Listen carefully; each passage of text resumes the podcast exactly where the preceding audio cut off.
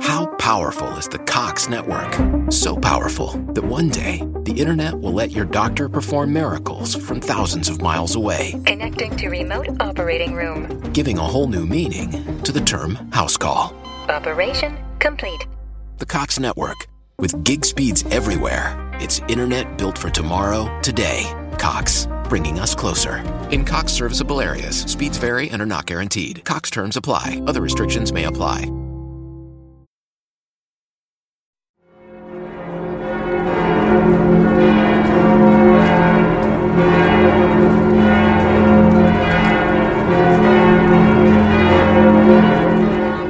Välkommen till juletid, som vi idag lite generöst kallar tiden under hela december och kanske lite till. Vilka traditioner råder hos oss svenskar under den här perioden, den mest laddade av alla högtider? Jo, ni tänker att midsommarafton, den är förstås exceptionell för oss svenskar, men den är ju snabbt överstökad. Juletiden däremot, den pågår allt ifrån första advent till trettondagen och har mängder med särskilda dagar. Adventssöndagarna, Nikolausdagen, åtminstone för oss som har fruar från kontinenten, Lucia, midvinter, juldagarna, nyår, trettondagen. Så visst kan man säga den, eh, att den här högtiden är mest laddad på året. Och här finns traditioner som har omstöpts och utvecklats sedan urminnes tid. Därmed har våra traditioner många inslag av gammal folktro och seder som sträcker sig tillbaka till hedenhös. Dessa våra svenska traditioner, seder och folktro i juletid är ämnet för dagens vandring på gamla och nya stigar. Jag heter som vanligt Jalle Horn och har idag med mig allas vår Björn Björkqvist. Ja, det var överraskande. Det är ju första gången. Ja, det är första gången, men Ja. du har varit med i radio förut har jag hört. Ja, det har hänt. Det har hänt. Fast det är första gången i, i sånt här fint sammanhang. Ja, ja, vi har varit med i fula sammanhang tidigare. ja, lömska sammanhang. Lömska sammanhang. Ja, nej, men det är jättekul att ha det här. Eh, eh, verkligen. Eh, är du så här julig kille? Eh, det är lite sådär varannat år. kan man säga. Så det i år är jag inte jättejulig. Eh, nästa år kommer jag vara det. Ja, ja okej. ja, nej, men då ska jag komma och besöka dig nästa år och så ska vi lukta på granriset och se på julstjärnorna. Eller vad, vad, vad har du för dig när du är julig? Eh, Jag försöker så här, titta tillbaka och se vad, vad hade man gjort, eller vad gjorde man förr och så försöker jag kopiera så gott jag kan. Eh, jag är ju inte, jag är inte jätte mm, lagd kan man säga, lite sådär tummen mitt i handen. Så ofta är viljan god men resultaten inte helt fantastiska. Utan det slutar med att man säger nej men jag springer och köper en ljus, ljusstake istället och slänger det här som jag har försökt tälja ihop. Okej, ja, ja, men du försöker göra så här, snida ihop fingrejer. Ja, men jag brukar försöka lite grann. Börja någon gång i oktober. Men eh, sen brukar jag få ge upp framåt slutet. Okej. Nej, men för jag vet inte, för jag, för jag växte ju upp eh, på det sättet. Eh, jag är ju uppvuxen på en släktgård eh, med flera generationer. Så där var det ju alltid inför jul väldigt mycket saker som gjordes. Min, min farmor tog hem sina tantkompisar och de stöpte ljus och hade sig och det slaktades grisar och man byggde, bryggde Gotlandsdricka som man skulle ha och dricka inför julen. Och, eh, allt sånt där skedde, men, men sen har jag ju bott i lägenhet i väldigt många år, fram till nyligen. Och där, då har man ju så nej jag kan ju inte ställa mig och slakta en gris på balkongen, det går ju inte. ja, det påminner mig om när jag satt och rättade prov en julafton. Mm. Blev inte bättre än så den julen. Ja. Nej, vissa jular blir ju lite så eh, faktiskt. Men vad härligt att du upplevt allt det där. Jag har inte eh, upplevt några grisslaktar, eh, lite ljusstöpning, eh, endera sån här att man åker på otta. Eh, Mm. Ja, jag vågar inte dra i med så här riktigt häftiga grejer. Ingen ölbrygd, ingen eh, vad mer så här gamla traditionella grejer. Det var ju mycket sorters kakor och grejer som skulle bakas och sånt också, minns jag farmor höll på med. Ja. Fantastiskt goda, men eh, kunskapen försvann någonstans med henne också. Ja, tråkigt. Ja, Nej, det blir ju så när de gamla dör och de nya är inte redo att ta över. Eh, liksom, det är klart att de har hållit på med lussebak och, och lite pepparkaksbak och så, men det sträcker sig bara till det, pepparkakor och lussekatter och sen kommer man inte på några fler. Det finns säkert tusen andra bakverk man skulle kunna göra som har med julen att göra. Ja, jo, det gör det ju absolut. Och Ja, bara tittar man på pepparkakor så är ju det, jag menar idag så är vi väldigt bestämda hur en pepparkaka ser ut. Mm. Det, det, är ju en brun liten sak som med rätt kryddor och allting, men, men det är ju en ganska ny företeelse. Förr i tiden så var ju pepparkakor i princip vad som helst med någon krydda i. Ah, ja, okej, okay. ja, spännande. Så, så det, det, kunde ju vara tio olika sorters pepparkakor till jul. Ja, just det, det är intressant. Ah, ja. Vi gör så gott vi kan i alla fall nu för tiden, även om det är svårare och jag har ju, jag har ju väldigt svårt med de här nya vanorna som heter Happy Holiday eller Frostfest eller vad de säger här i, i, i Tyskland. Och ja, jag tror att ni pratade om det på något program nyligen med det här kalanka och så, men jag skulle säga till och med kalanka och den här Santa Claus är del av vår tradition. Eh, liksom, det anknyter. Vi kommer komma fram till att Santa Claus, det är ju en uppfinning av en svenska för över hundra år sedan. Ja, egentligen av flera svenskar skulle jag säga. Om, om ja, vi ska svenskar, ja. hoppa framåt redan nu, men, men um, absolut. Ja, och eh, så, så det är inte så farligt. Det värsta är liksom när man vill säga att, aha, men det heter inte jul längre. Liksom när man mm. förbjuder det ordet som EU, någon EU-kommission eller så vill göra, eller det, det engelska ordet Christmas, eh, mm. på grund av, vad kallar de för, inkludering eller något sånt. Mm. Ja, då dödar jo. man det ju. Nej, det är, ju, det är ju jättevanligt borta i USA och allt som finns där ska ju hit förr eller senare har ju någon bestämt. Ja, det ska ju bli det, nya USA. Nej, det där har jag svårt med. Jag tycker att eh, alla som lyssnar kämpar så mycket ni kan med julvanorna och pränta in i barnen och, eh, och verkligen säg aldrig när någon säger Happy Holiday. Då, är väl, då, då brukar jag faktiskt svara personen och säga eh, vänta nu, jag förstår inte, firar inte ni jul hemma eller? Eftersom mm. du säger Happy Holiday.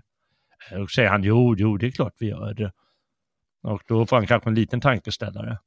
Ja, jag menar trevlig helg, det är något man säger på fredag när man går hem från jobbet. ja, det blir julåret om. ja. ja, väl. Jag har skrivit någon läskig grej här och man vet aldrig om det, om det kan bli eh, sanning att de kommer förbjuda Lucia-tåg den dagen inte hälften av de som går i tåget är ytisar. Och då menar jag liksom inte att de ska utbilda, att de ska utgöra pepparkakegubben allihopa. ja, nej jag vet inte, det, det har ju... Mm, Lucia-tågen har ju lite grann försvunnit och inte bara av politiskt, eh, eller det är väl politiska skäl det också, men, men vi, vi har ju sett, eh, alltså det, det, är ju inte häftigt, det är inte tufft för ungdomarna ja, eh, i och med ja. att eh, kulturen förändras hela tiden. Förr var det ju en form av skönhetstävling i, i tidningarna. Mm, mm. Man kunde rösta på vilken Lucia tycker du ska vinna och det var ju alltid liksom den snyggaste som vann. Eller mm. den med störst släkt om det var en liten ort. Uh, men sånt har ju blivit lite förfulat och nu försöker man här, för att hålla kvar det, jag vet Borås förra året, då hade de en kille med bland Lucia-kandidaterna som ja. man kunde rösta på. Ja. Nu vann inte han, tack och lov. Eh, men det är ju mycket sådana här saker bara för att de ska försöka hålla det levande, men de dödar ju snarare på det sättet. Än att bara... Ja, de gör ju lätt det. Nu, och de försöker använda sådana gamla idéer att ja, men det var ju faktiskt pojkar i, i de här gamla humanistskolorna på 1500 eller 1600-talet, de klädde ju ut sig till flickor och mm. Eh, var Lucia då. Det finns gamla ja. bilder på det, men det, det, det blir löjligt eh, när de försöker, vad ska man säga, det, det, det, må vara att det är en liten del av den här traditionen. Vår tradition nu det är ju att det ska vara en kvinna och eh, det är ganska väletablerat hur det här tåget ska se ut. Och om du försöker mixa med det, ja, då kommer det ganska snabbt dö, för det kommer aldrig funka. Nej, det gör ju det. Och det, det är ju lite, alltså, jag menar, det, det har garanterat i spex-sammanhang varit män som har varit lucier i, i, i flera århundraden. Men, ja. men då har det ju varit just spex och det har varit humor över det. Medan Lucia-tåget som det har utvecklats till har ju blivit någonting annat um, under 1900-talet. Mm.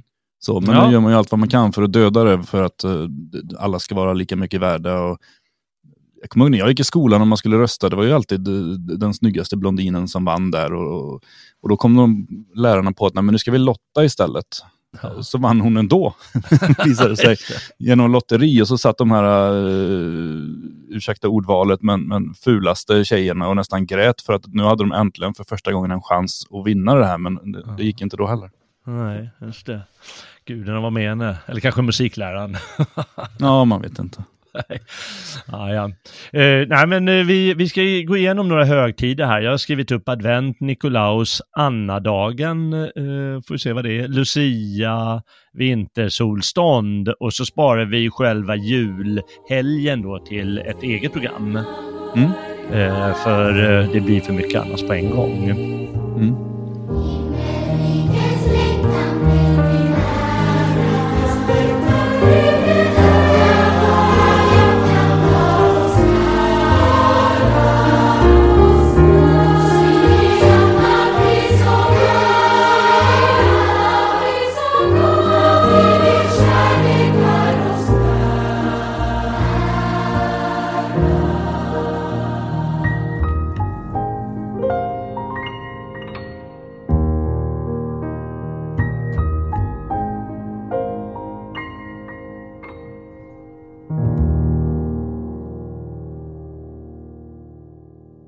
Då har vi ad advent. Har ni, har ni så här jul, eh, har ni, vad heter det, så här ljusstake nu? Ja, eh, det har vi ju. Eh, två stycken till och med. Mm. en svensk och en tysk.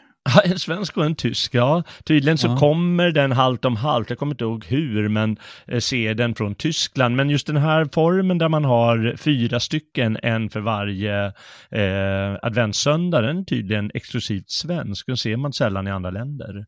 Mm, nej, en sån har vi. Men sen, sen, har vi någon tysk variant där det är mer ett fat och så står ljusen som i en grupp i mitten. Fyra Just stycken det, tjocka ljus. Det känner jag igen härifrån också. Det är ju inte fult eller någonting, men det är kul att man har något eget tycker jag.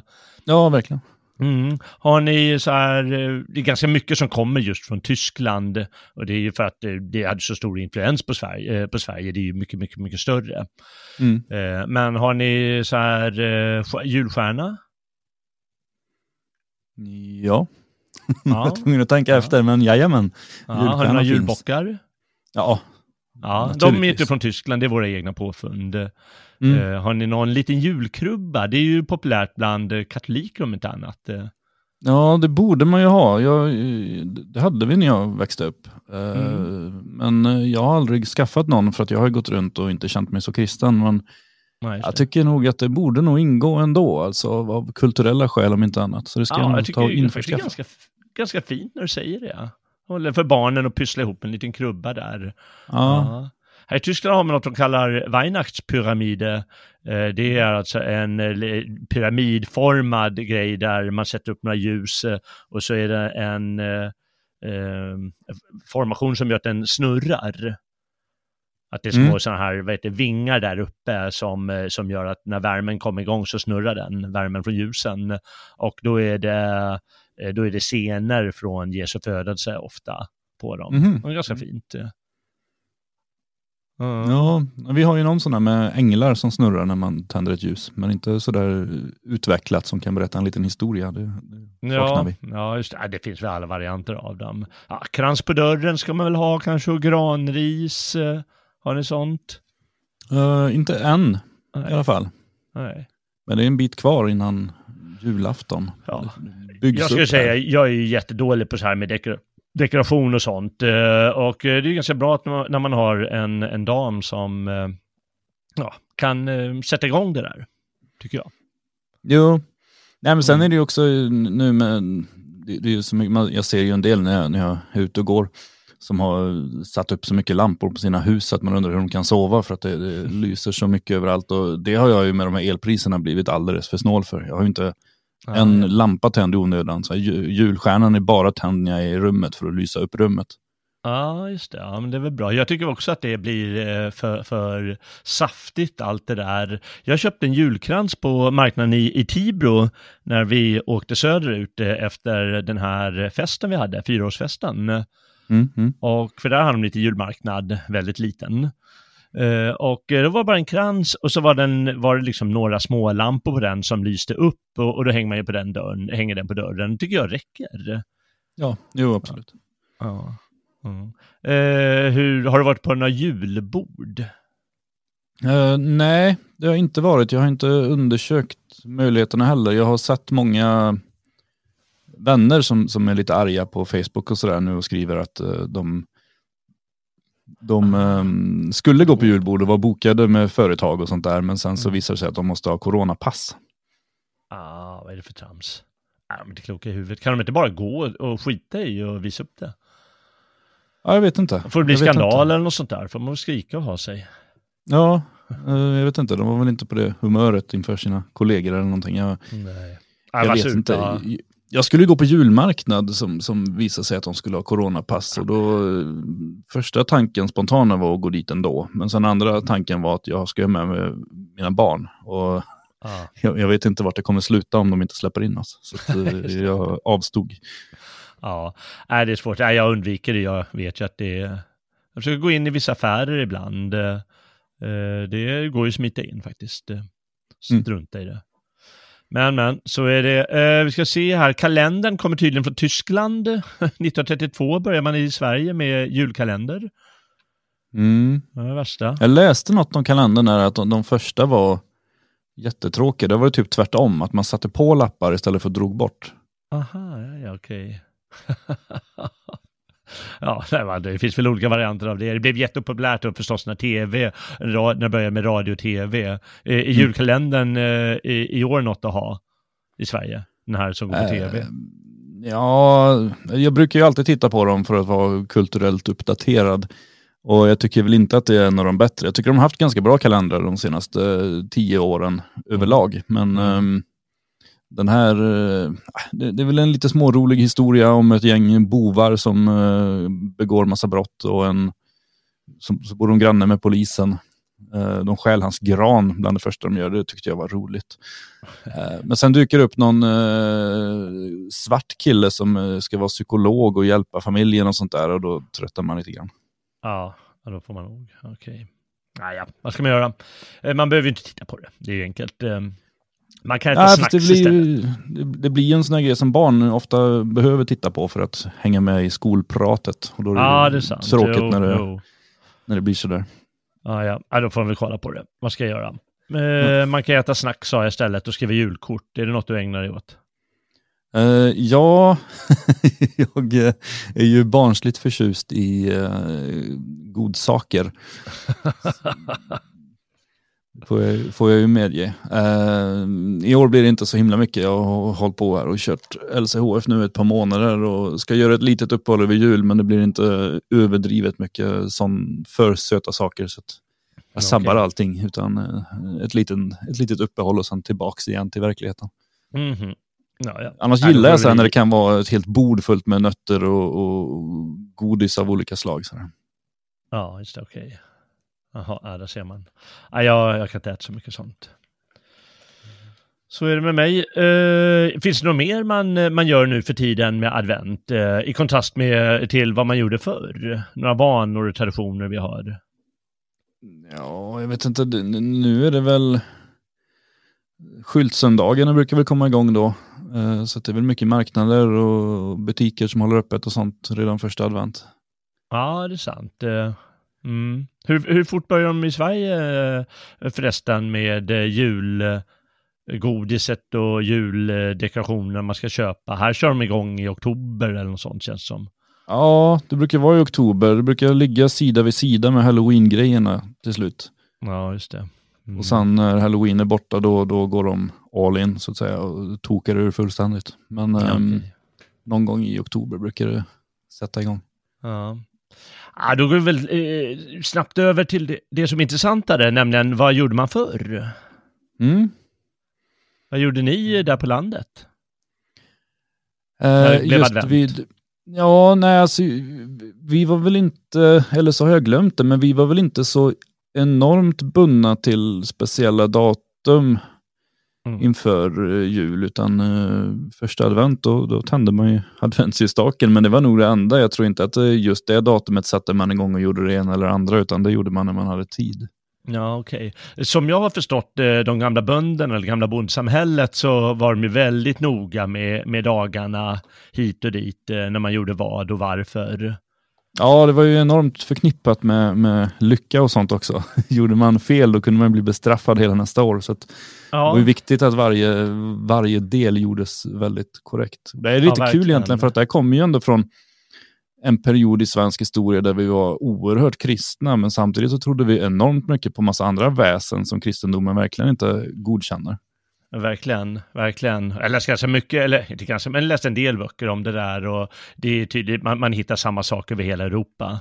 Mm. Att eh, folk har ju sin folklore och sin folktro och det finns alla möjliga sorters konstiga varelser och skäl till varför de gör det ena och det andra folk. Ofta är det som du säger att eh, det gäller ju att vara försiktig. Man, man, man, ska inte, man ska inte bråka med gudarna hur som helst. Mm. Nej, precis. Ja, eh, jag läste nu, jag hade tänkt på tidigare, men, men när adventstiden började, då var det liksom slutet på årets bondemöda. Och då hade mm. man stretat och jobbat och slitit på alla tänkbara sätt under hela året. Eh, och nu kunde man lägga det bakom sig. Mm. Och därför står det ofta under de här högtidsdagarna, står det på allihopa i stort sett, att eh, så här bullrigt arbete och högljutt och konstigt arbete, det ska undvikas. Mm. Och inte minst ska man undvika eh, arbete som eh, eh, man gör en sorts cirkelrörelser med. Alltså? Ja. Till exempel att mala, om du, om du tar en kaffemal och mal i mm. den genom att snurra. Mm. Då det är det en eh, förbjuden handling många gånger under de här eh, dagarna under december. Under hela december? Ja, men flera, flera av dagarna. Mm. Då gäller det att eh, planera och, sin... Eh, om man ska jag har funderat på vad det kan bero på. Det, det, jag, jag, tänker, en förklaring skulle kunna vara då att eh, liksom juletiden är en vändning till mm. det nya året. Eh, det vill säga som en sorts cirkelrörelsen kommer till ända. Mm. Och den liksom ska man inte störa eller något sånt kanske. Snurra för långt om man står och snurrar själv också. jag vet inte. Det är något konstigt men jag läste på flera av högtiderna här. Eh, det står också att man inte fick påbörja viktiga saker under Nej. Eh, advent och, och eh, flera av de här dagarna under december. Mm. Till exempel skrev man, man får inte eh, genomföra en lysning, det vill säga att eh, ett par ska gifta sig, för då skulle man kanske inte få några arvingar eller skulle bringa olycka som du sa förut av något slag. Mm. Jaha, ja, det fick man inte göra, utan man skulle vara lite tillbakadragen kanske. Ja, jo, men man ska ju inte störa, störa högtiden. Nej, man ska ju inte det.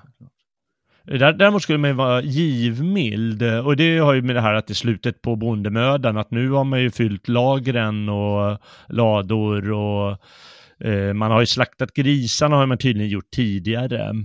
Mm. De flesta grisar, alla utom en, eh, har slaktat tidigare och saltat, så det har man ju lagrat också med kött och fisk, eh, kanske man har grävt ner då för att grava den eller någonting och så vidare. Så då kunde man vara givmild. Och det känner vi igen med julafton säkert, att, att man ger bort grejer då. Ja, det har man ju varit med om. Ja. Brygger du öl? Nej, nej det gör jag inte. Jag har, jag har funderat på om jag ska um, försöka göra Gotlandsdricka just.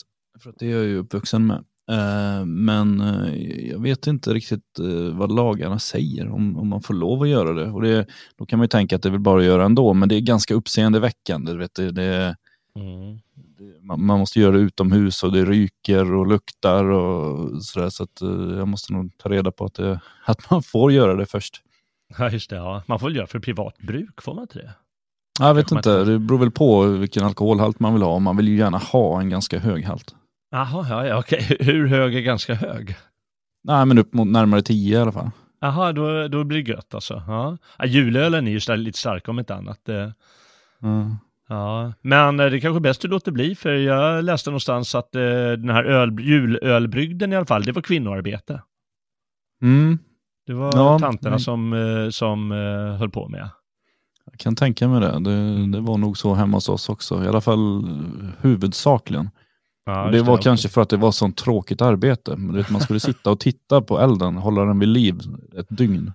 Ja, ja, ja. Eh, den måste i alla fall vara färdig, eh, läste jag, till Annadagen den 9 december. Mm. Så då måste man ha påbörjat det här och, och kommit en bit, för då skulle det provas av och se att det funkar. Och det här är tydligen väldigt, eh, väldigt stor och viktig grej och vi säger ju att dricka jul Mm. eh, efter någon eh, formel i någon gammal isländsk saga. Eh, väl Snorre som skriver tror jag. Och eh, då är det uppenbart att den har en uråldrig tradition den här. Och eh, då man måste mota bort troll tydligen ur eh, julölet. Måste göra på rätt sätt, eh, för annars så dra, suger trollen sötman ur ölet. Eh, Mm. och när jag säger på det här sättet så fanns det förstås massa olika varianter eh, runt om i landet och i varje lilla by och, och hem hade säkert sin egen lilla variant som sa om det var trollet eller det var nå, någon annan ande eller det var det ena och det andra och om de förstörde ölet si eller så. Mm. Men eh, principen är detsamma att man måste göra på rätt sätt. Man la järnbitar i. Ja, just det. De gillar inte järn. Nej, tydligen inte. Jag läste någon att eh, någon eh, sån bondfru, hon sa att det är en väldigt viktig, eh, viktigt år där, så hon satt, slängde i vigselringen rent av. Oj då. Hon var livrädd för trollen, skulle förstöra ölet. Hade de vigselringen av järn då? Jag vet inte, det var väl, var, väl- var väl någon annan metall, de är väl rädda för alla metaller kanske. Jag vet Ja, inte. guld tycker ju trollen om, det vet man. Jaha, det ser man. Ja, man rökte i öltunnorna med johannesört och svavel bland annat eh, för att röka ut de jävlarna. Ja, Ja, det är rätt. ja man ropade hej. Det kan vara ett fint gammalt fint, fint svenskt ord när man lade jäst i karet för att det skulle få bra jäskraft. Och man, det kanske, kanske ni gjorde hemma hos er, att man samlades runt tunnan och, och sjöng och hoppade liksom när man satte igång ölbrygden för att få ett starkt och gött och bra öl som gör folk eh, goda och fina. Nej, jag har varit med om att folk har eh, dansat och hoppat och sjungit efter de har druckit det, men inte när man har gjort det. Alltså, okej. Det funkar utan att göra det menar du? Ja, Ja, ja, ja. Man skulle göra allt möjligt så att det inte skulle bli orent. Till och med vattnet fick man inte säga vid sitt rätta namn. Vet jag inte riktigt hur. Man fick kanske inte säga vatten, häll i vattnet nu, utan man sa väl något annat. Mm. Ja. Nej, det är mycket. Känner du till något mer man, man gjorde på den tiden? nej, inte, inte, mm, inte bundet till någon speciell dag. Det kan jag ju inte, det kan jag inte hävda. Nej. Eh, Men annars är det ju, jag menar, hela, mm, hela det julbord vi äter idag är Mm. ju från förr. Så, att, så att det är ju klart att eh, allt det var man ju tvungen att ordna med och fixa med inför julen. För då gick man ju inte bara och köpte allting färdigt. Utan jag menar, var, varje köttbulle skulle ju rullas, korven skulle eh, liksom malas ner och stoppas. Och det var ju, det var ju liksom varje maträtt på det här matbordet var ju ett dagsprojekt. Ja, verkligen. Eh, Får jag fråga, är det någonting ni gjorde sådana grejer, att ni stoppade korv och liknande grejer när, ni, när du var barn? Ja, inte årligen, men vi, vi provade några gånger vet jag. Sen var det väl ingen av oss som var moderna människor som var vana vid, vid köpekorv som tyckte att det blev speciellt gott.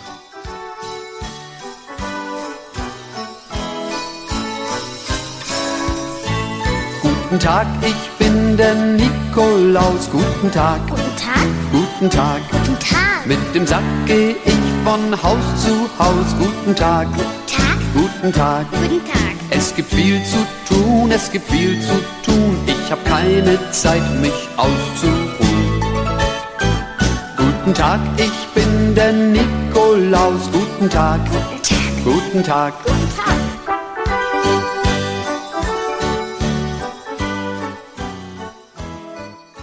Eh, innan vi kommer in på det arbetet, för jag, jag har sett att det, det är någonting man började med den 9 december som heter Anna-dagen och det är väl för att Anna har namnsdag och sånt då, eller mm. något, liksom helgonnamn då. Så tar vi en, en, en sed som man i alla fall fortfarande gör i Tyskland och det är att fira Nikolaus eh, eh, den Mm. 6 december. Eh, är det något du känns vid eller? Nej, jag har ju hört talas om det, men jag har aldrig, eh, aldrig upplevt det. Nej, okej. nej, inte jag heller förrän jag eh, kom på tysk mark. Men eh, då i alla fall eh, ställer man ut stövlarna, eller barnen ställer, putsar sina stövlar och ställer ut eh, i, i trapphuset eller utanför dörren eller kanske innanför dörren om man vill ha dem utomhus. Och eh, då är de mirakulöst nog fyllda med eh, godis och lite gåvor och så på morgonen när barnen Mm. springer ut och kollar. Det är ju Och då har perfekt. alltså Nikolaus av alla människor varit där. Ja. Ja, Ja. Nikolaus är är ju förstås då Santa Claus. Eh, Det är ju det därifrån Santa Claus kommer och det var ju ett sånt eh, gammalt släkt eh, gammalt helgon, eller vad man ska kalla en gammal människa från eh, 300-talet tror jag, 200 eller Ja, 300-talet. Jag har varit och tittat på hans grav. Det- Jag är lite så här fundersam över att han åker runt och stoppar grejer i stövlar. Där nu. Ja, men han är värre än Jesus kanske. Ja, det Med det där med uppståndelse och grejer. Eh, ah, ja, var, var det i Turkiet då eller? Ja, precis. Mm. Ja, Jag kommer och, inte ihåg eh, vad byn hette där, men ehm, han ligger begravd i något kloster där. Ah, ja, där ser man. Ja. Eh, nej, men det gör man i alla fall i Tyskland fortfarande. Och eh, i vissa länder läser jag att Luxemburg, där får till och med barnen mer gåvor på Nikolaus än på julen. Så Mm. där är fortfarande det så pass starkt, eh, den idén att man firar Nikolaus. Eh, Och eh, ja, men det, det har att göra med tradition att man eh, helt enkelt lät Nikolaus ge ut gåvor då. Det har med, den här, med, med legenden om honom att göra. Att han, eh, Eh, vad han gjorde var att hans grannar, han var känd som en eh, så här, givmild person, hans, eh, hans grannar, de var fattiga, hade besvärligt och den stackars flickan i familjen, hon var tvungen att sälja sin kropp. Och det tyckte han var så färligt, den här Nikolaus. Så han, han ville göra något åt saken, så han så här, kastade in eh, guldsäckar åt dem. Alltså inte här med kalanka utan kan- kanske lite mindre med lite guldmynt i. Ja. Och sen smet han iväg innan någon han kolla vem det var som kastade in det och såg det. Oj, det är guld i. Åh, vad skönt. Nu slipper stackars flickan hora och, och ha sig. Oj, oj, oj. Och det gjorde han flera gånger. Och därifrån kommer faktiskt vår sed med julklappar, eller vårt ord för julklappar. Mm. Det hade jag ingen aning om eh, tidigare faktiskt. Eh, ordet kommer från, alltså klapp, eh, är att man, man klapp, förr i tiden då klappade man på dörren Mm. så här hos eh, någon, ja men hos eh, min lilla son till exempel, klappar jag på dörren eh, och sen så kastar jag in en julklapp eh, lite fort innan han hinner kolla vem det är eller något sånt, smiter därifrån. Så gjorde Mm. man tydligen för 100 eller 150 år sedan i Sverige. Jo, det vet jag. Det vet jag. Men jag, ja, jag, jag har fått höra att det kommer från alltså, ordet vedklapp. Jaha, Eh, alltså ja. ett, ett vedträ, att man eh, ofta band fast ett meddelande i ett vedträ och kastade in genom dörren. Ja, vad kul. Ja, det känner jag igen det där med meddelandet också. Eh, Men Ja. Det kanske finns flera förklaringar. Eller Ja, så det finns ingen har en det. aning Det vad var i alla fall vad, no, vad någon etnolog skrev i mitt fall. Och du har ju läst en annan etnolog till idag. Tydligen. Nej, vi får ringa den där Nikolaus och fråga hur man egentligen ska göra. Ja, jag Ja. skulle ha frågat när jag var där. Ja. Eh, Men, men det, var ju, det var ju vanligt då på medeltiden. Då spelade man Nikolaus spel och man hade skolavslutningar då på, på Nikolausdagen. Och skötsamma elever fick eh, gåvor. Det var någon tydligt som spelade Nikolaus också och gav gåvor till de skötsamma elever. Och då har vi återigen det här med finns det några snälla barn? Mm. Att det är en sed som kommer därifrån. Mm. Ja, fast eh, det hände något i med reformationen så förbjöds, eller vad man ska säga, eh, helgon. Och det skulle inte användas. Eh, Och eh, då i Sveriges fall så blev det julbocken som fick ta över den här rollen som eh, givare av gåvor. Och så flyttar man till juldagarna. Mm. Ja. Jo, precis. Uh, jo, nej, men bocken har ju varit, uh, bocken har varit med väldigt länge på väldigt många olika sätt i, kring julen. Eh, Ja. Så, så det var väl ganska naturligt att han tog med det. Innan var han ju med i olika former av, uh, vi pratade om innan med Lucia, eh, figurerna där så var, var bocken ofta med och spexade med Lucia eh, i Lucia-tågen där och härjade och hade sig. Och likadant runt om hela Europa så har ju bocken varit, eh, det finns ju en, vad heter den? Um, är något land där det är någon riktigt elak figur som påminner om en bock som går runt och jävlas med folk under jul. ja, det är den där Krampus eller? Just det, just det. Det ska väl ha samma ursprung tror man. Där. Att Mm. han, har blivit, han har blivit vänligare i Sverige. Han har blivit vänligare i Sverige, ja, ja, han kan nog vara... Jag menar barnen är ju rädda för tomten ändå. Mm. En del barn. Jag har ju knackat, jag har lekt tomte och knackat på dörrar och eh, mötts av fruktansvärda barnskrik.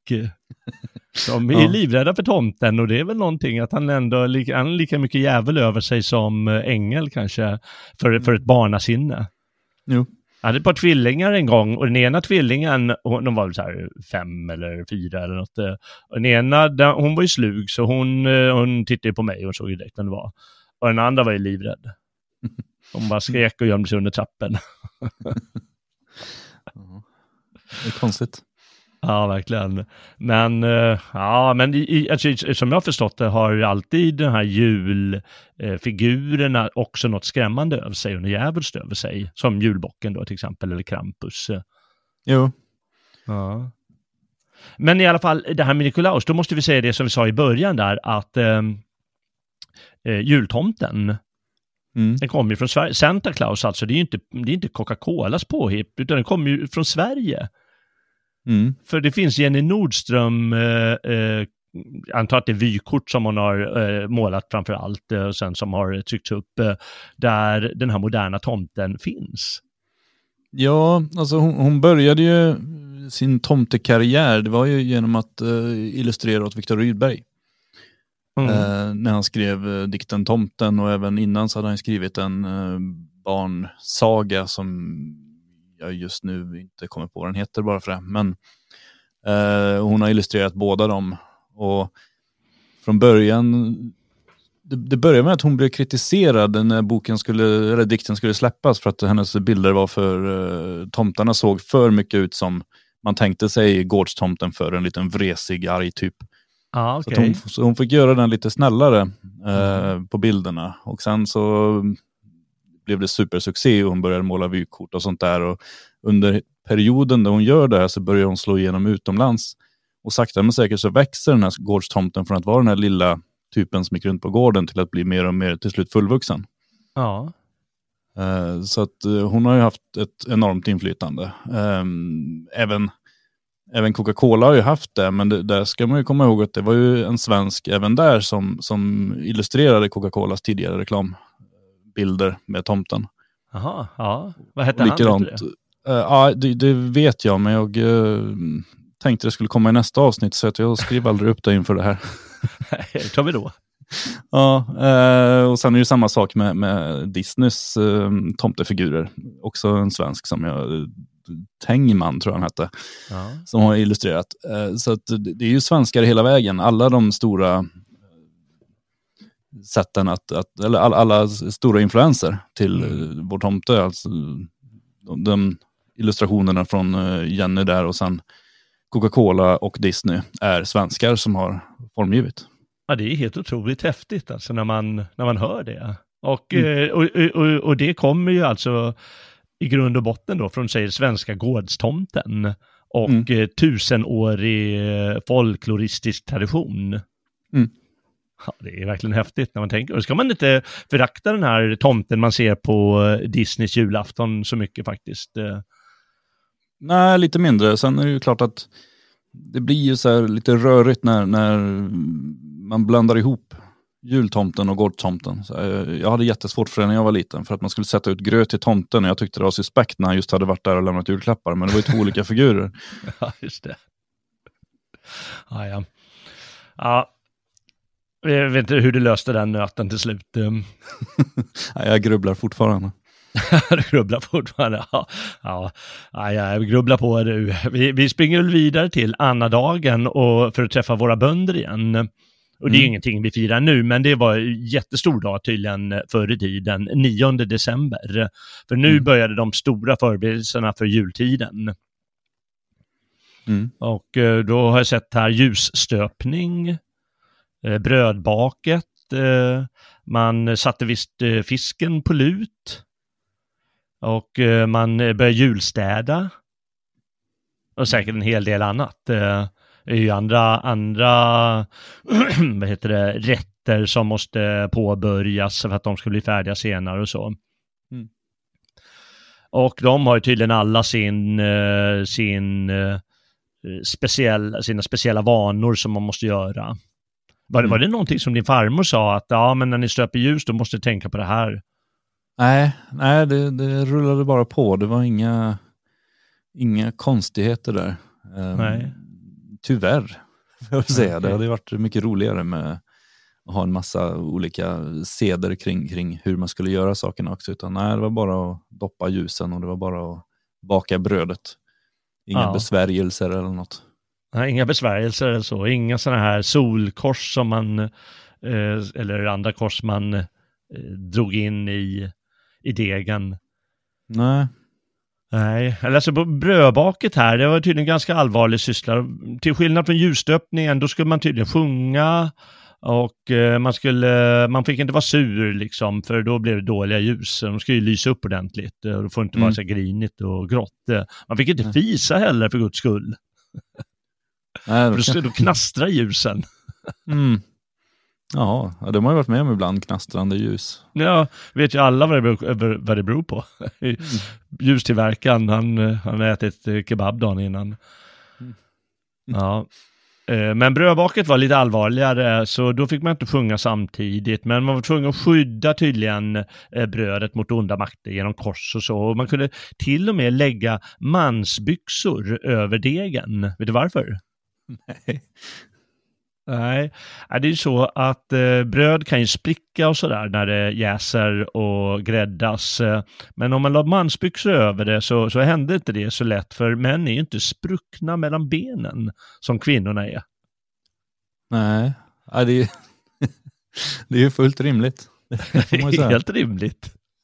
Jag ska säga att det är faktiskt inte rimligt, utan det är alldeles självklart. Man får tänka, för, tänka sig att för de här människor som gjorde det, det var ju alldeles självklart för dem. Det var inte så att de skrattade åt det som du och jag kanske gör lite nu, utan det var självklart. Eh, Alla de här, precis som alla makter och, och oknytt och väsenden fanns då till höger och vänster, särskilt vid den här tiden då, den här vändningstiden. Så ja, det var självklarhet allting. Jo, jo, och många, jag menar väldigt mycket, eller alla får man väl säga, alla, alla sådana här gamla traditioner har ju tillkommit av olika skäl. Eh, sen kan man ju titta idag på det och tycka att det var fullkomligt eh, galet, men, men Mm. de å andra sidan skulle kunna titta på oss och, och undra vad vi håller på med när vi är livrädda för, för corona. Ja, ja, precis ja. ja. Och antagligen om man börjar sy syna oss i sömmarna så kommer man hitta många av de här traditionerna, folkloristiska traditionerna och se att eh, de har bara tagit en liten annan form där vi är nog så skrockfulla eller någonting. Jo, absolut. Ja. Eh, Äter du lutfisk? Eh, nej, aldrig provat. Nej. Jag provar någon gång, jag tycker inte det är särskilt gott. Jag är ingen, jag är ingen stor vän överhuvudtaget av eh, fisk. Nej, nej, okej. Jag, jag försöker bara äta gulliga djur. det finns väl någon gullig fisk? Nej. Nej, ingen. Jag får titta på någon sån här Disney-film och där, de, de ser gulliga ut, är flera fiskar där. Ja, just det. Hitta Nemo slutar med att jag äter upp den. jag menar det. Ja, det är, väl typ, det är typiskt svenskt där med lutfisk eh, tydligen. Eh, eller skandinaviskt i alla fall, det är vad vi gör här uppe. Tar torr, torr fisk och sätter ner i den här lutlagen. Mm. Och det gjorde man på Anna-dagen, eh, den här Anna-dagen då, 9 december, så att det skulle bli klart eh, eh, ett par veckor senare. Jo, nej, men det, är ju- det, är ju, alltså, det, är ju en fullt rimlig rätt på så sätt att man kan ju förbereda det långt, långt innan. Liksom, fiska upp Mm. den på sommaren och låta den ligga. Ja, just det. Mm. Men idag finns det inga ursäkter tycker jag för att äta det. Nej, just det. Just det här får, ju- då får man låta bli. Ja. Man kan ju köpa annat. Mm. Ja. Ja. Eh, julstädningen var väldigt viktig tydligen. Det ska göras med särskild aktsamhet. Eh, liksom det är spis och golv och möbler och, och rubb och stubb som ska eh, städas ordentligt. Och det var det att man hade kanske tid över till det när man var, full, man var färdig med liksom årets arbete Mm. i, bonde, i bondevärlden. Eh, vad jag jag sett här då, att man, ja, man, när man ska feja spisen måste man vara försiktig så det inte flyger sot ut över åkern och sånt, för då är det risk att eh, nästa års sådd förstörs. Eh, Mm. Och eh, en sak jag tänkte på när jag, när jag bläddrade, eller liksom läste om det här och funderade över det, det är att eh, vad de ändå tänker, de, de, de tänker ju som bara vi människor, eller ja, jag vet inte bara vi människor, som, men som vi är exceptionellt bra på, nämligen tänka vad händer i framtiden om jag gör så här nu? Mm. Så även om vi skrattar kanske vissa, ha men det har inte med saken att göra, så är det att man tänker att om jag gör det här och det sker, då kommer det få konsekvenser för framtiden. Ja, verkligen. Alltså, många skulle nog må bra av att tänka så idag, inte minst politiker. Ja, verkligen, verkligen. De tänker verkligen inte många sekunder framåt. Eh, det är fyra års intervaller förvisso. Men, men... Ja, jo, jo, precis. De, de är bra på att se precis hur långt framåt de kan tänka, eller de kan räkna ut konsekvenser. Ja, men det är ju livsfarligt ja. sista året. Så här. Ja, nu är det val snart igen. Nu drar vi på med allt det här. Det kommer krascha ekonomin året efter, men Skitsamma. Gör vi det här så kanske vi kan bli omvalda och sen får de hitta på en ny lösning. Lappa mm. igen problemen nästa gång. Eh, sånt höll man inte på med förr utan man eh, tänkte framåt hela tiden. Ja, man fattar det bättre. Mm. Ja, vissa landskap i Sverige, de sö längst söderut, som eh, de gamla danska landskapen, de satte igång julfriden redan, eh, redan första advent. Eh, här uppe i mm. norr är vi lite hårdare. Då eh, körde man först några dagar före julafton eller på själva julafton. Mm. Och det innebar då att eh, alla straff, eh, liksom alla brott man gör fick dubbelt så hårda straff. Det är rätt. Ja, det var väl rätt det. Jag kanske borde införa det över hela året, eh, julfrid. Mm. Ja. ja.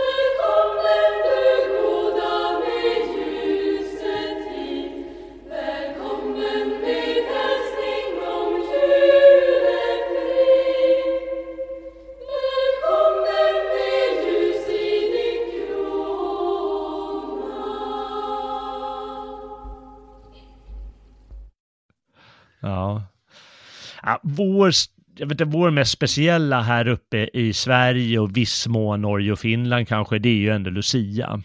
Mm.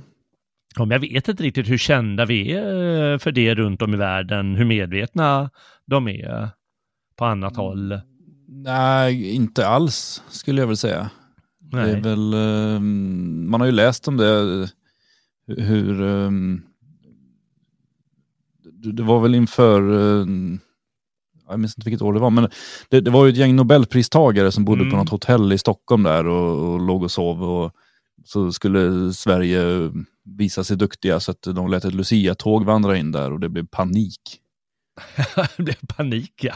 ja, de fattade ju inte vad det var liksom. Det kom in eh, så här, om det var onda andar eller om det var någonting annat. Eh, eller om det var Ku Klux Klan som promenerade in i... ja, precis. Ja, det vänner till mig som bodde i Afrika när, för att föräldrarna de arbetade med så här biståndsarbete, plantera träd eller något sånt där. På den tiden mm. när de riktigt, gjorde riktigt biståndsarbete och inte bara skickade några hundralappar mm. till korrupta politiker. Och eh, då gjorde de det också för, eh, eh för barnen där. Mm. Och de blev ju skönt vettskrämda. Det var inte de tänkte inte kuk för utan de såg ju verkligen här kommer onda andar i mängder. Jo. De sjunger, ger från sig konstiga ljud och alltihop. Ja. Ja. Nej, Men, så väldigt äh, okänt skulle jag nog säga att det är. Vad sa du att det var? Det är nog väldigt okänt utomlands. Ja, det är väl det. Det är ju det är både bra och dåligt, för då fortsätter det ju vara laddat och speciellt. Ehm, mm. Jag, eh, jag har ju alltid eh, Eh, på många sätt älskat Lucia. Mm. Svårt att säga. Jag minns, jag minns ju när fröken berättade legenden om den här stackars Lucia-flickan. De petade ut ögonen på en och stack, en, stack ner en och så. Det var ju så hemskt och, och samtidigt var man ju då stjärngosse och skulle vara med i tåg och liksom så många laddade grejer för en. För en stackars mm. nioåring. ja. Och, Mm. eh, och det är ju egentligen eh, liksom traditionellt sett en av de, kanske decembers, för, för, för svensk del, mest laddade dag eftersom man, eh, man, man flyttade ju, man flyttade ju 1753 så införde man den gregorianska kalendern och då flyttade man ju vintersolståndet som då dittills var just på den 13 december flyttades upp till den 21 december där den så att säga ligger Mm. Eh, astronomiskt sett. eh. Mm. Och, eh, men då var det ju på Lucia. Och eh, det är klart att den blir väldigt speciell den här dagen, eller natten.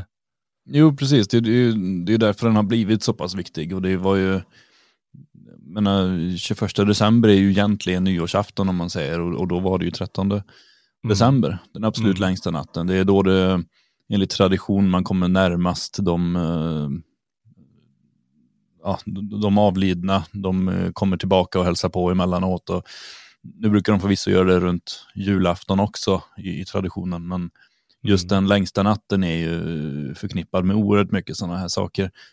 Mm. Eh, och blev ju tidigt också en form av festhögtid på, på olika sätt. Men eh, man hade ju, alltså att vi firar Lucia det datumet, det, det, det är väl vad jag förstår det egentligen en form av ordlek. Att det från början handlar ju om, om eh, Lucifer och den här lussekatten man äter, den har ju ingenting med Lucia att göra utan det är ju Lucifer-katt för att skrämma bort Lucifer. Eh, och sen hittar man ett helgon som, med ett namn som låter ungefär likadant och bara henne firar vi. Ja, just det. Ja. Den, jag tror att Lucia, Lucia hel, eh, Lucias helgondag ligger den, på den 13 december. Så det passade ju, råkade ju passa bra. Jo, Mm. det, det gjorde det. Ehm, ja, men det, ja, som jag förstår det så kommer härstammar ändå från, från um, samma där, att man har lagt hennes dag där.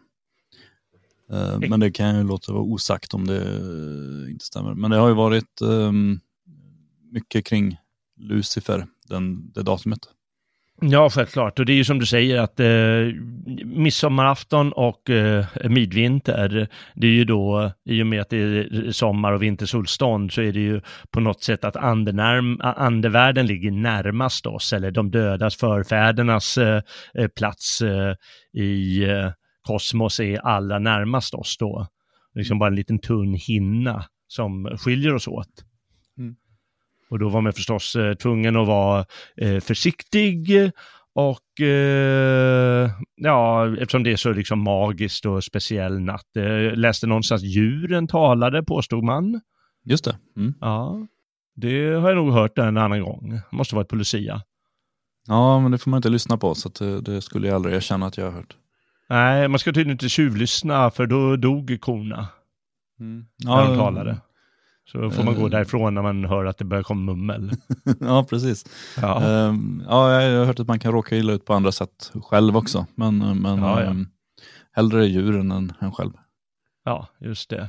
Eh, återigen det här med att eh, mala säd eller så, alltså, eh, eh, i, i kringgärning så här.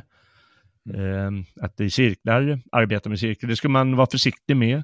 Och eh, då läste de som att de som malde säd vid en vattenkvarn, de lämnade platsen eh, långt före midnatt, eh, för, eh, för då kom, då kom så här bäckahästar eller näckar eller strömkarar och allt vad man har. Och så man, fanns någon lusegubbe och lusekärring. Eh, då, som sprang runt och kunde lägga ut löss på gården och de var tvungna att stiga upp lite och göra lite, liksom visa att man är vaken så att de inte härjade på, på åkern och gården. Mm. För då blir det löss. Ja, det vill man ju inte ha. Nej, vill man inte ha. Ja. Eh, Det här med frukostarna ser man ju alltid, eller på några ställen, man ska äta flera frukostar den här natten. Eh, Man kan läsa att du skulle äta tre eller sju eller nio frukostar. Mm. Och under medeltiden har det att göra med att eh, eh, vad heter det, fastan börjar när solen kommer upp den 13.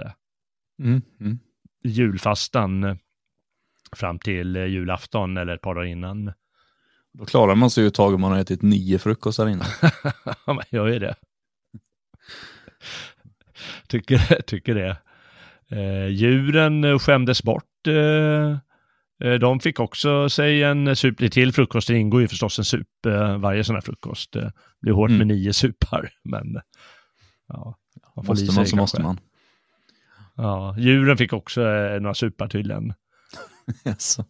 Ja. Ja, ja. Och stängde spjäl då förstås och tätade fönster och så. Eh, Mm. Har- kan inte ha någonting att göra med att det skulle vara kallt ute. Nej, nej. Det var för att Nej. hålla eh, andarna väck eh, i alla fall. Ja. Mm. Jaha, nej men vi har ju våra Lus Lucia-tåg. Eh, eh, minns du det från skolan? Oh ja. Mm. Ja. Eh, ja, jo, nej, vi hade ju två får man väl säga. Ett i skolan och sen hade vi ett i um, socknen som jag är uppvuxen i, i bygdegården där, där de som bodde där i krokarna fick eh, ha ett Lucia-tåg varje år. Mhm, mm. Så det var dubbelt. Men det var trevligt, eh, tycker jag. ja. Ibland, vissa år så tyckte man inte det var, då tyckte man att det var lite töntigt att stå där som tomte eller något. Men eh, för det mesta var det kul. Okej, ja. Jag var väl stjärngosse varje gång jag var med i Lucia-tåg. Jag tror, jag kanske jag var tomte någon gång.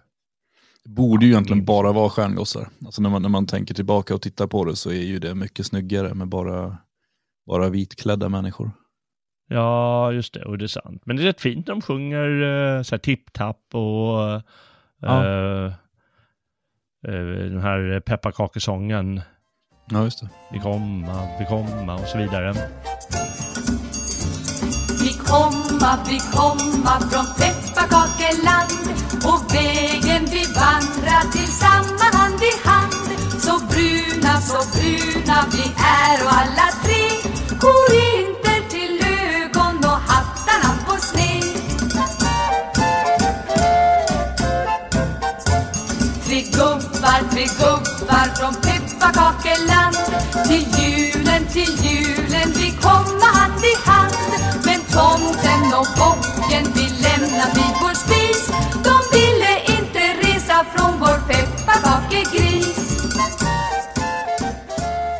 Ja. Innan vi går in på eh, vad jag i alla fall har eh, letat reda lite på eh, detektivarbete om Lucias ursprung så kan vi ta den, den liksom bondevärlden, Mm. hur de såg på det.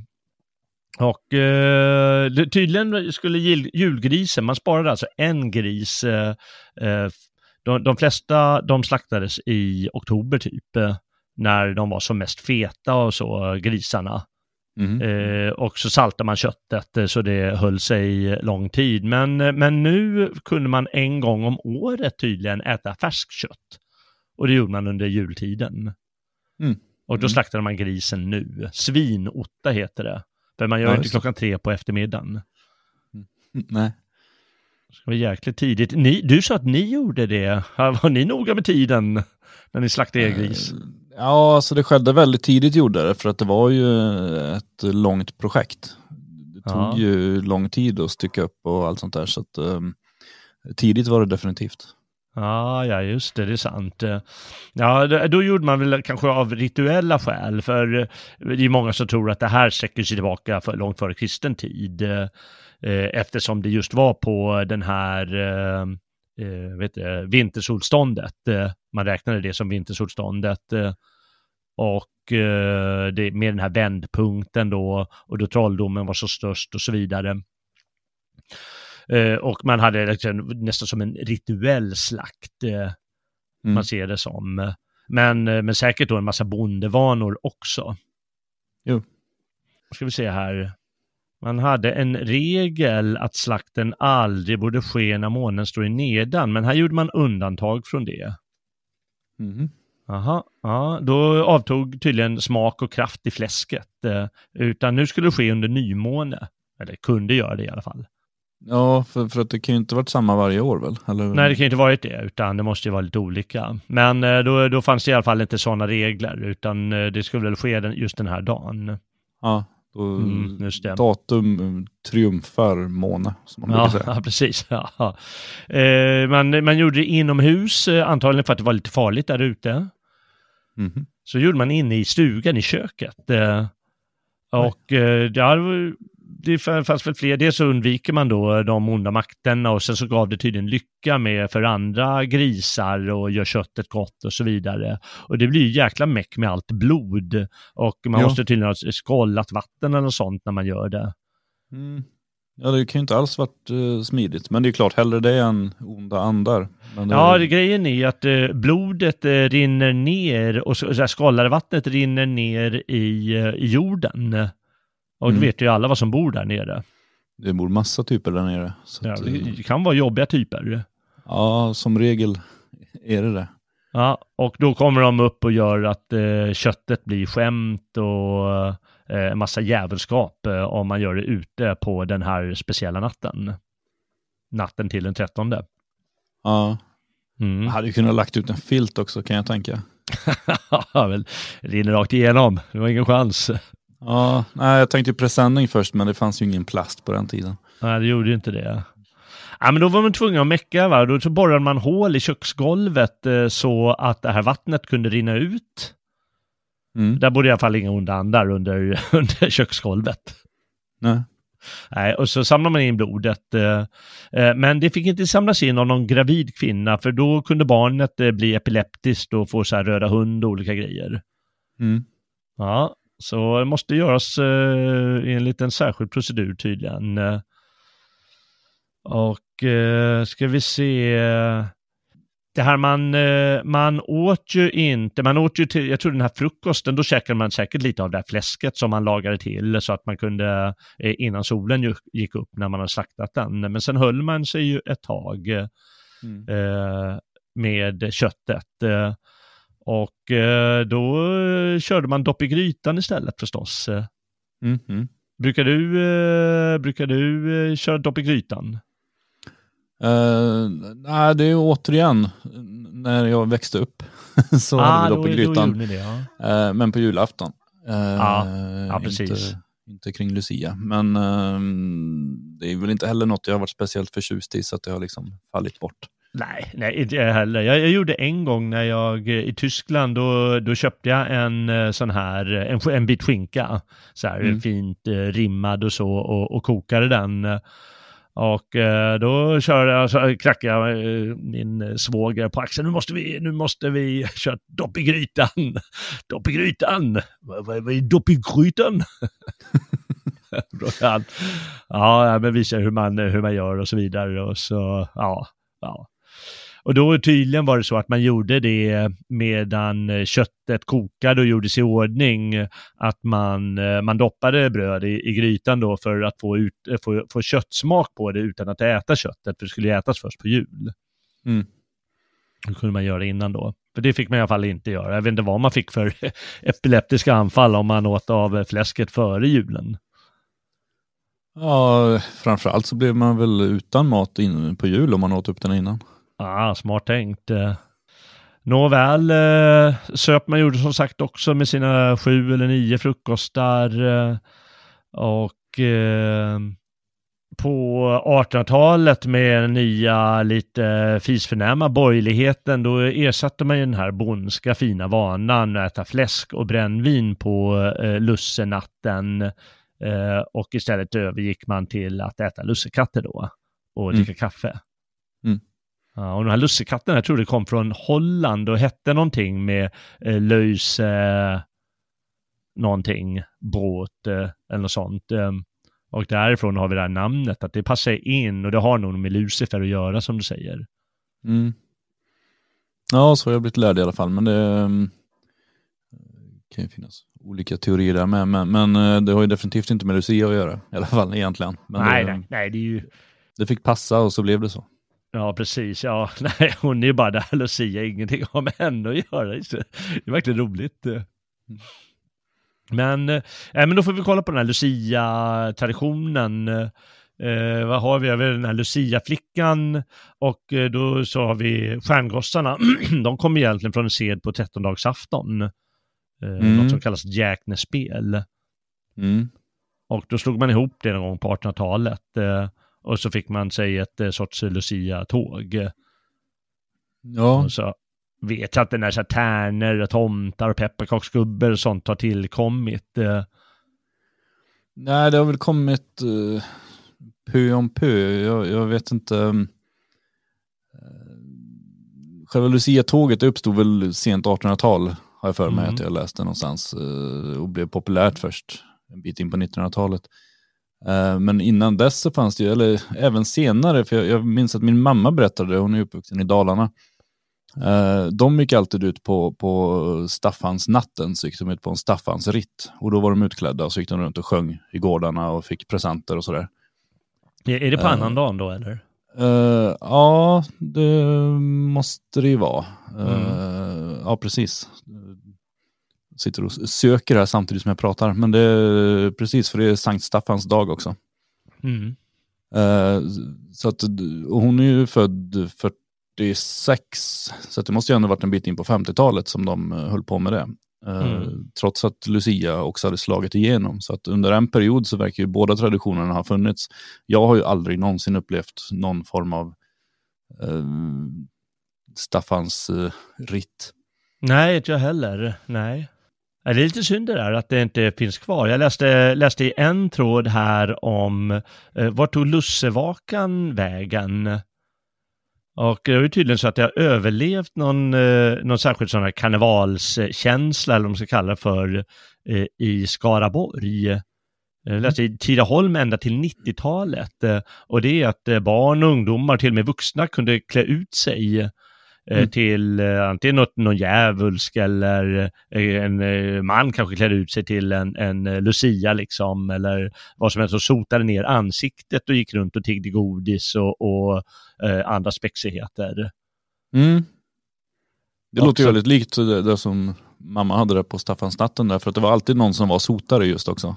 Ja, ja precis ja. ja. Jo men man, man, man spexar till det och det är liksom, det det är väl något rituellt att man målar ansiktet. Eh, Ja. eh, ungefär som indianerna gör när de ska ut i combat.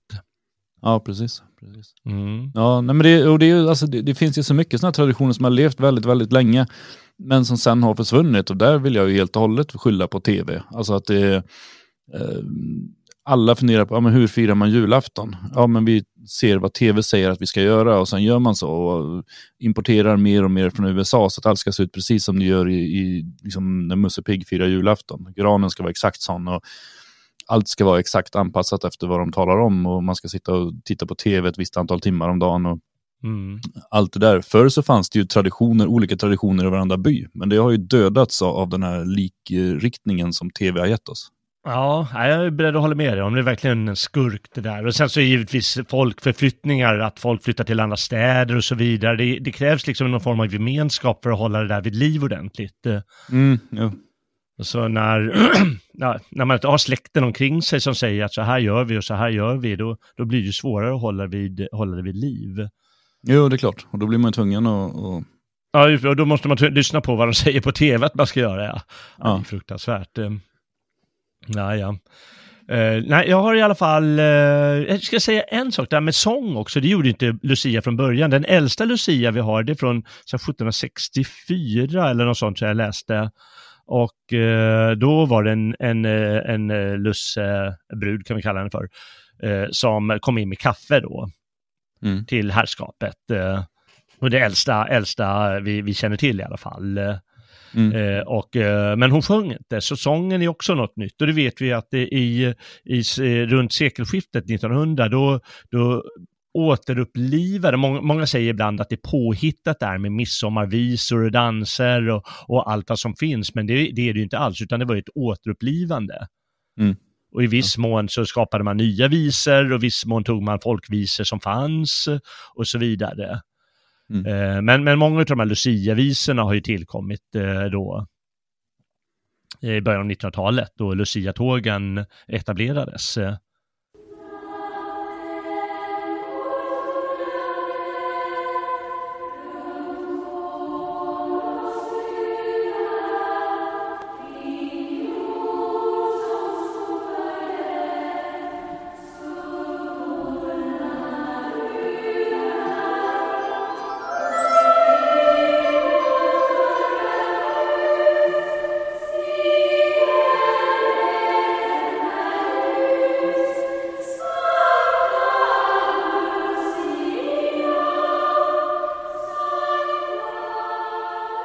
är kul med Natten går tunga fjät. Eh, har du sjungit den någon gång?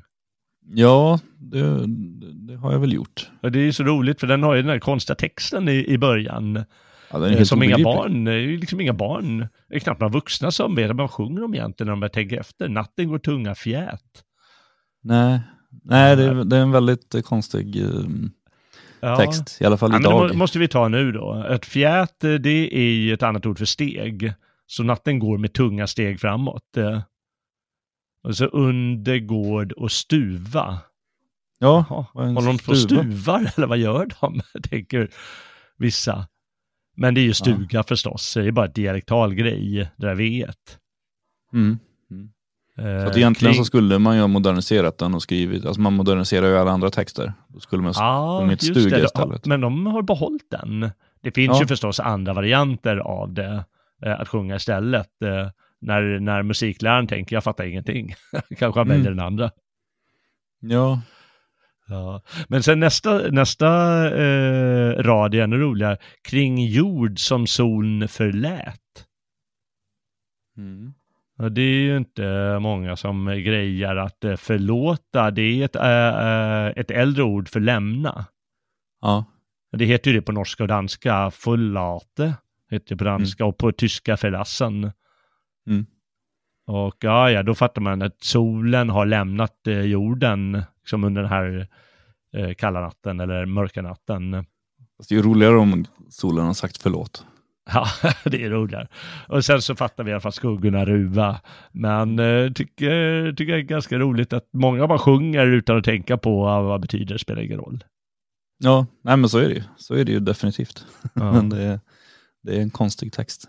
Ja, men det ska ju vara det. Det är en konstig, konstig högtid och eh, då ska han väl ha sin konstig text. Eh, Men eh, ett par bakgrunder eh, tror jag att man eh, brukar redogöra för. Och Den vanligaste är då att, eh, att man återigen då med reformationen förbjöds helgonen och eh, man, Nikolaus då, han fick inte dela ut, jul, eh, dela ut presenter längre.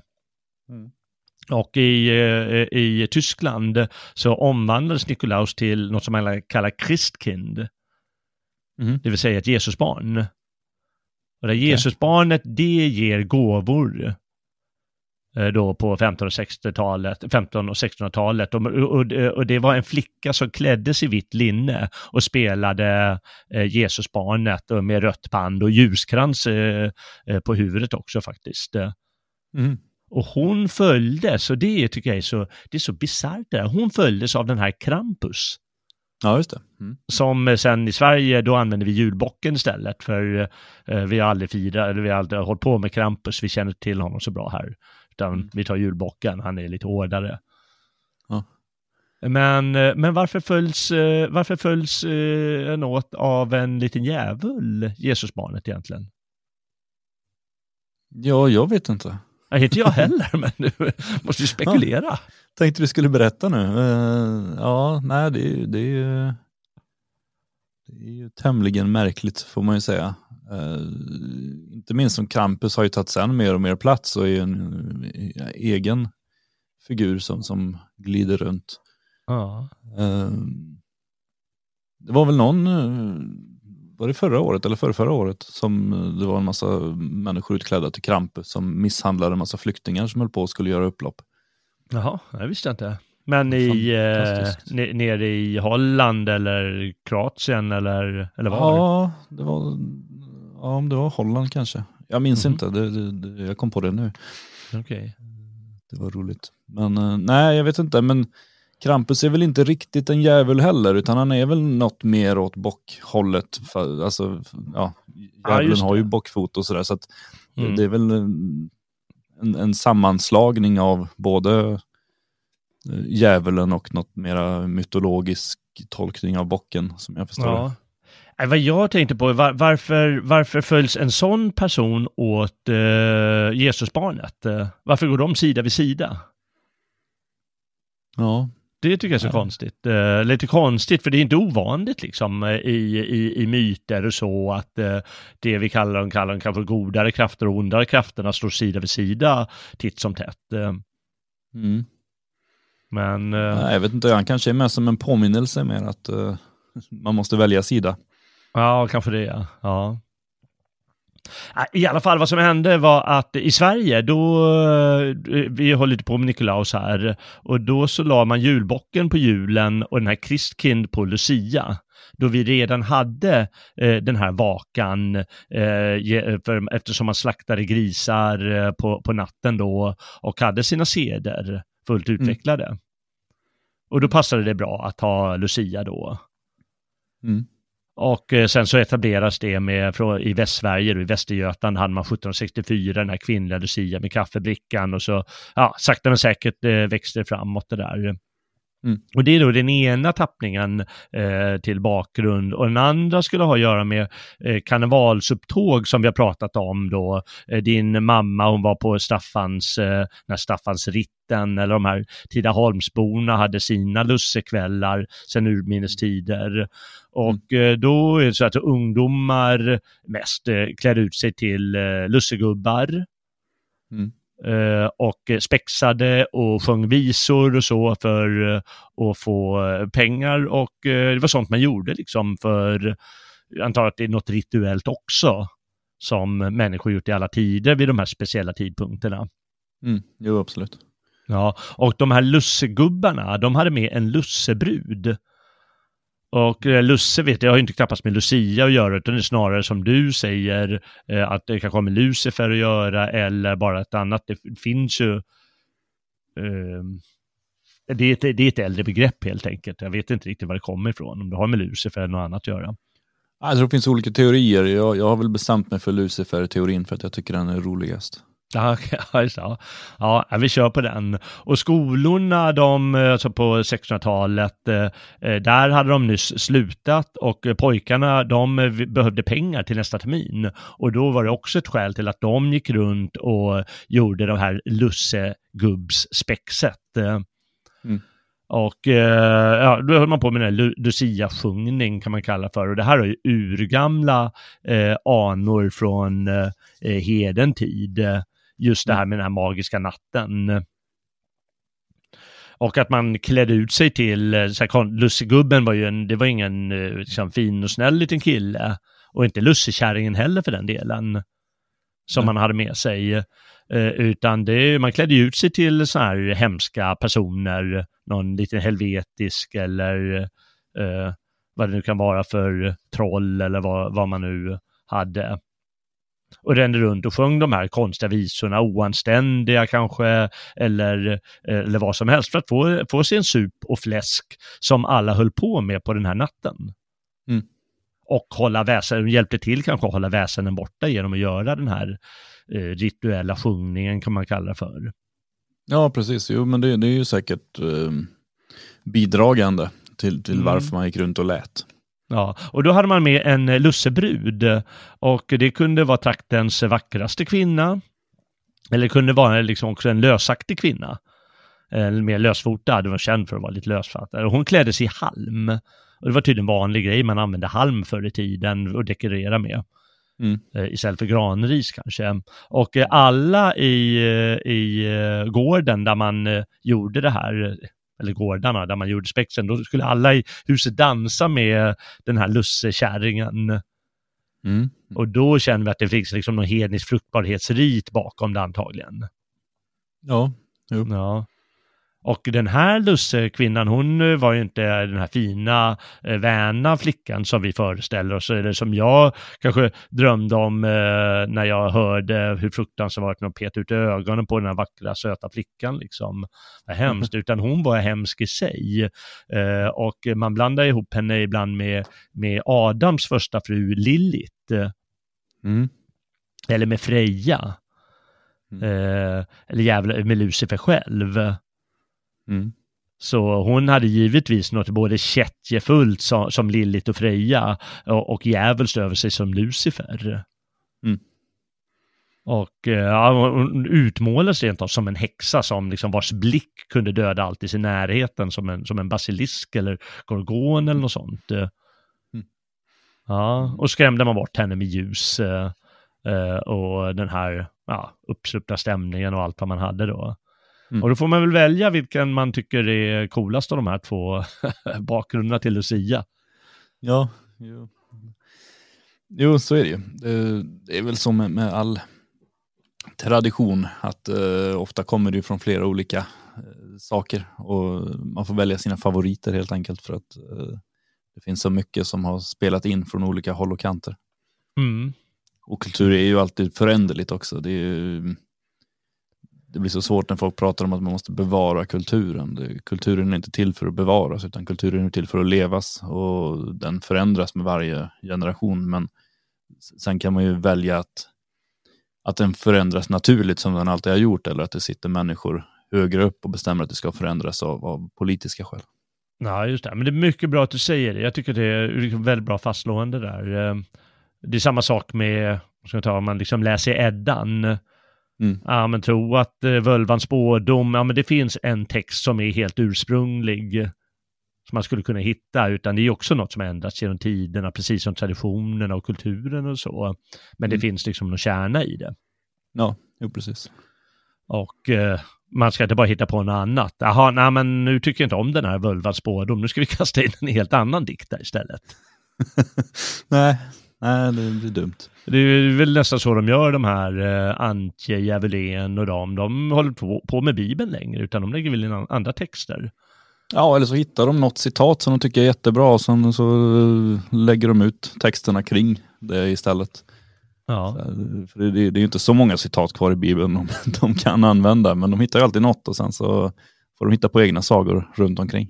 ja just det. Okej. Ehm, ja, vi måste, vi, vi, vi, innan vi avslutar kan vi väl köra det här med vintersolståndet. Ehm, Mm. Och det är alltså då den 21 december som man då flyttade i med den gregor- gregorianska kalender, eller när man införde den 1753. Och då flyttades just eh, vintersolståndet till den 21 december, Mm. eh, som också kallas Tomasdagen eller Tomasmäss.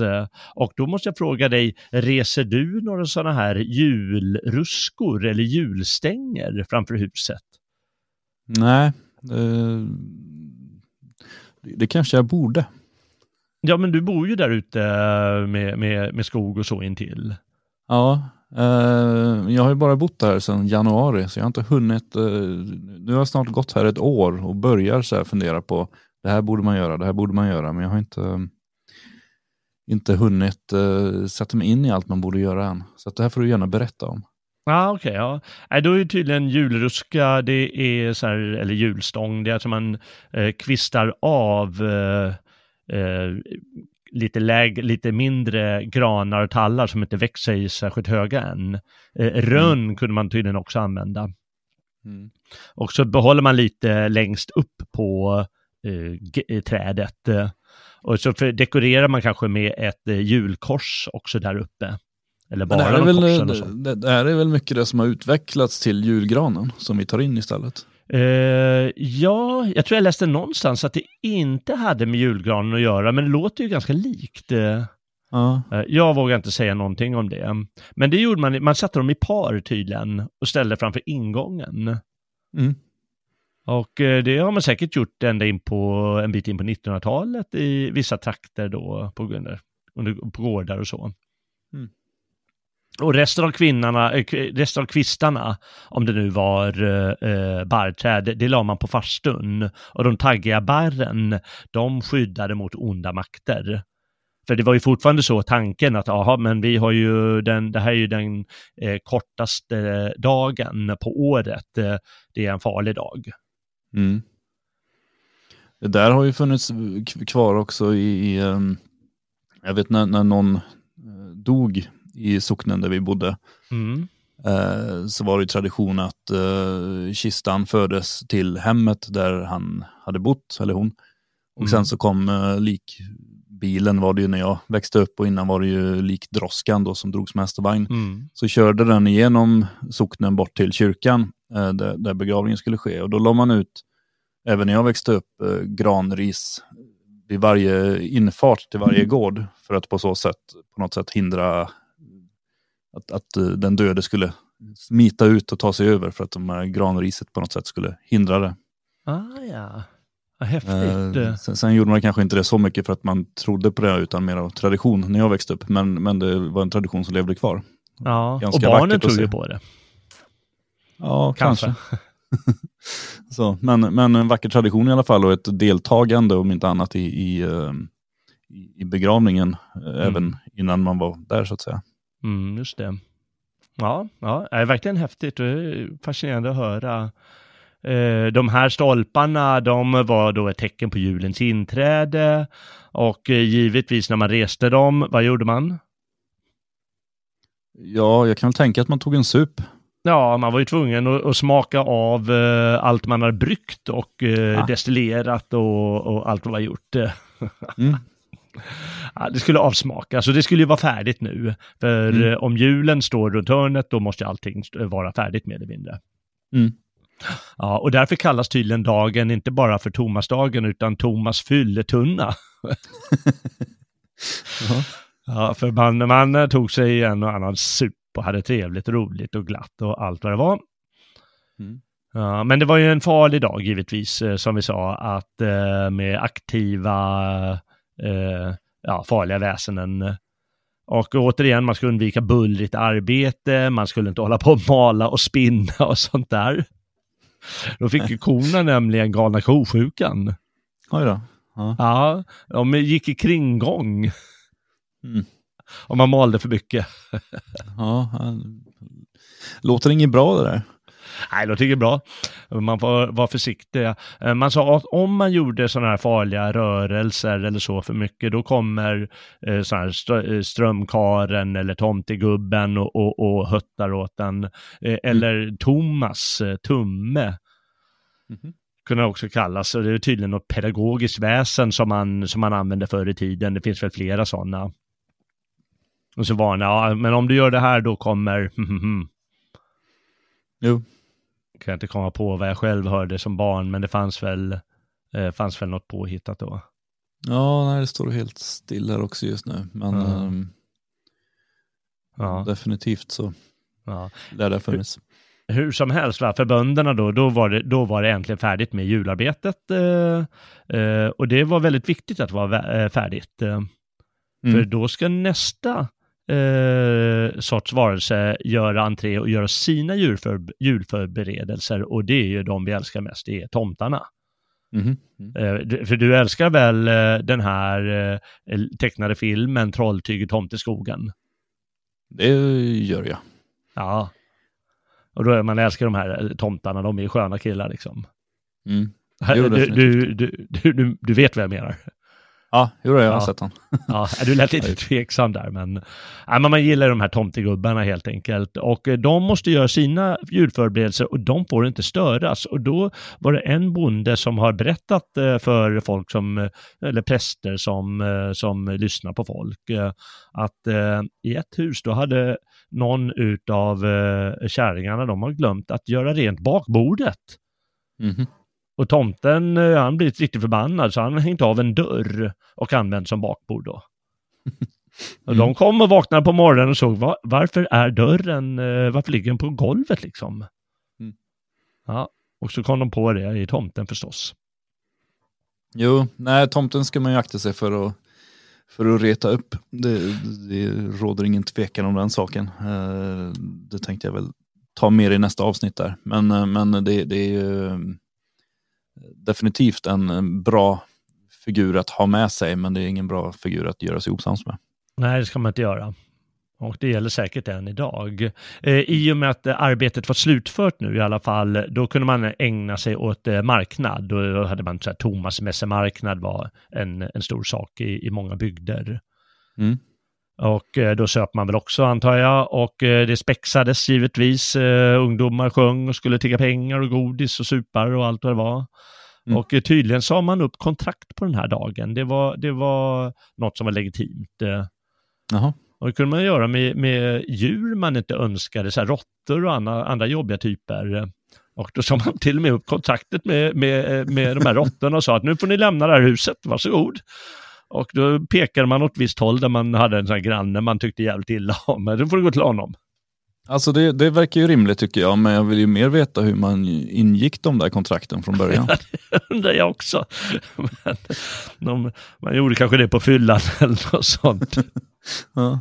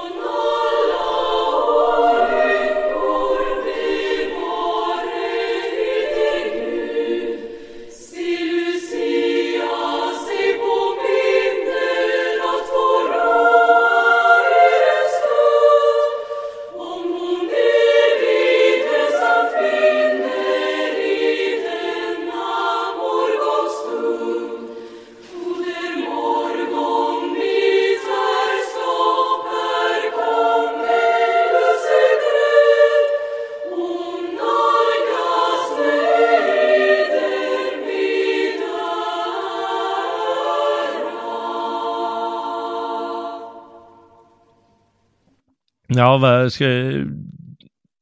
Drömmer om att vara en bonde nu och få vara med om allt det här då det var självklarheter? Nej, alltså jag har ju varit en bonde eh, och eh, det var ju inte alls det jag skulle hålla på med skulle det visa sig. Eh, vä- Väldigt bra på att sitta och prata vid ett bord i en mikrofon men, ganska dålig på att hålla igång ett jordbruk. Mm. Så det gör jag väl inte. Däremot så kan jag väl, ehm, man, man kan väl drömma sig bort till gamla tider där, ehm, eh, där närheten till naturen och, och sin omgivning, sin miljö var, var betydligt närmare än idag. Och mycket av de här väsen och sånt som man talar om var ju människans sätt att förklara samhället och förklara naturen och allt som händer runt omkring en. Mm. Eh, vilket ehm, eh, jämfört med idag där man inte förklarar någonting utan man, man snarare glömmer bort allting runt omkring sig för att man bor i helt andra miljöer än vad man gjorde då. Så att det kan man väl drömma sig bort till, definitivt. Eh, och och and, andra tider på det sättet. Men sen är det ju klart att bo i ett kall träkåk över vintern och veta att man måste gå ut till en lika kall lagor och ta hand om djuren och sådär som det kanske var på 1800-talet. Det, det är väl inget, inget, som någon skulle vilja uppleva idag. Nej. Vi har Nej, fått det vi- ganska bra. Ja, vi har det ganska bra som det är. Ja, jag håller med. Jag tänker också på precis det där baksidan och, och framsidan med, med det där. Det är underbara traditioner som du säger och det är en handfast värld där en spade faktiskt är en spade för att man håller den i handen. Mm. Eh, men där man, man svälter och man fryser och man sliter häcken av sig och alltihop. Eh, Det är otroligt att de kan göra så här mycket, skapa så mycket glädje och så mycket kraft och, och så mycket eh, kultur av det. Mm. Ja, men det var väl också nödvändigt på sitt sätt för att stå ut, kan man tänka. Det är, Mm. menar, här har de ju kämpat ett helt år. Eh, och där är ju belöningen, den stora belöningen kommer till jul. Det, det är den man strävar efter hela året. Eh, sen är det klart att man har andra fester och, och högtider och det är bröllop och byfester och arbetsfester och sånt där. Men, men det här är ju årets riktigt stora fest som man verkligen firar och det gör man ju flera dagar. Eh, Mm. och det kommer släkt från byarna omkring och sådär. Och, eh, och det, det är väl ett sätt att när det är som eh, kallast och blåsigast i november, oktober, november och det börjar komma snö och jävelskap och det ska göras det ena och det andra så kan man alltid tänka fram att nu är det bara några dagar kvar tills vi åtminstone får festa ordentligt. Mm, just det. Så det, men om man säger 21 december där, det, det, det, är ju, eh, det sammanfaller ju mycket med Lucia i och med att det är eh, datumet som är flyttat. Mm. Är det ju. Och där har vi ju även, där vet vi ju tillbaka gammal tid, det är ju då man eh, firar jul eh, för kristen tid också. Det, det, Ja. ju, det, det var ju på midvinterdagen och även människor som idag är asatroende och så, de har ju ofta ceremonier och så, den 21 december som är Mm. den ursprungliga julen för att hedra förfäder och hedra gudar och sånt där. Just det. Så, och även vi i det fria Sverige kommer ju ha eh, midvinterfester på några platser har jag sett i, i Sverige, bland annat här i, i Svenskarnas hus. Mm. Fantastiskt. Eh, ja, det är, jag menar, traditionerna ändras har vi förut och eh, det är ju något som, eh, jag menar vårt, eh, vår, de här asatronen och så, de gör ju inte som man gjorde förr i tiden eh, för tusen år sedan. Nej. Utan eh, det är ju, de har förnyat på sitt lilla sätt och tagit åt sig traditioner som fortfarande finns och, och, och gjort om det. Så det är ju traditionen, som du säger, att man lever kulturen på, Mm. på det sättet man ja, finner, finner bra och lämpligt. Mm. Ja, jag hoppas det blir bra. Jag kommer inte kunna vara där tyvärr. Men jag hoppas att ni, eh, ni har trevligt och slaktar grisar och provar ölbrygden och så vidare. Ja, slakta grisar är väl lite för sent då, men, eh, Jaha, ja. eh, men, eh, ja, nej, men det ska nog bli trevligt.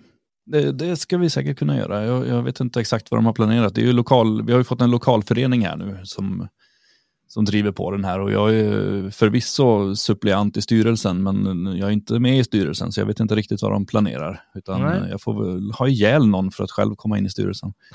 Eh, eller så får jag bara komma dit som gäst och ha det trevligt. Så jag vet inte exakt hur det kommer vara, men jag tror att det blir kul och jag uppskattar försök att eh, skapa eller återskapa gamla traditioner. Mm. Jag hoppas att det blir roligt i alla fall. Eh, och och eh, ja, nu har vi ju klarat av dem, den, först, den största delen av december, men liksom huvudhögtiden eh, finns ju kvar och det är julen. Och det tänkte jag att vi ska göra i, i nästa avsnitt här. Då tar vi mm. juldagarna. Ja. Och då återkommer väl den där Björn, va? Ja, det ska han göra. Det ska han göra. Ja, det ska bli underbart. Eh, eh, men det är först eh, en vecka framåt i tiden. Nu får jag tacka dig för, för den här inspelningen i alla fall. Mm. Ja, men det var jättekul. Det var inte så farligt att vara med som jag tänkte, så att, jag, jag kanske återkommer ännu fler gånger. Men vi börjar ja, med nästa vecka. Det skulle du aldrig ha sagt. Nej. Nej, ja, men det, ska, det, det ser jag fram emot. Eh, och eh, tack så tack alla som har vandrat med på gamla och nya stigar den här decemberdagen. Och om du gillar vad du har hört så får du gärna stödja oss på Svegot. Eh, Eh, om du redan är stödprenumerant, då ska du stort tack. Eh, men om du inte är det så kan du gärna teckna en stödprenumeration eller ge en donation till Svegot så att vi kan fortsätta skapa sådana här program om eh, gammal svensk kultur eller om dags, dagsfärsk politik eh, som eh, Björn allt som oftast gör. Gå då in på svegot.se och klicka dig fram den vägen så hittar du ett sätt att stödja oss. Och där hittar du också alla andra program vi har som man kan lyssna på. Och sprid också gärna det här programmet till dina bekanta. Då bidrar du till ökad kunskap om vår kultur och eh, våra traditioner och eh, ja, eh, oss själva helt enkelt. Och därmed till en mycket bättre framtid. Jag heter Jalle Horn och ser fram emot eh, nästa vecka då vi tar itu med eh, julhelgen. Väl mött frände.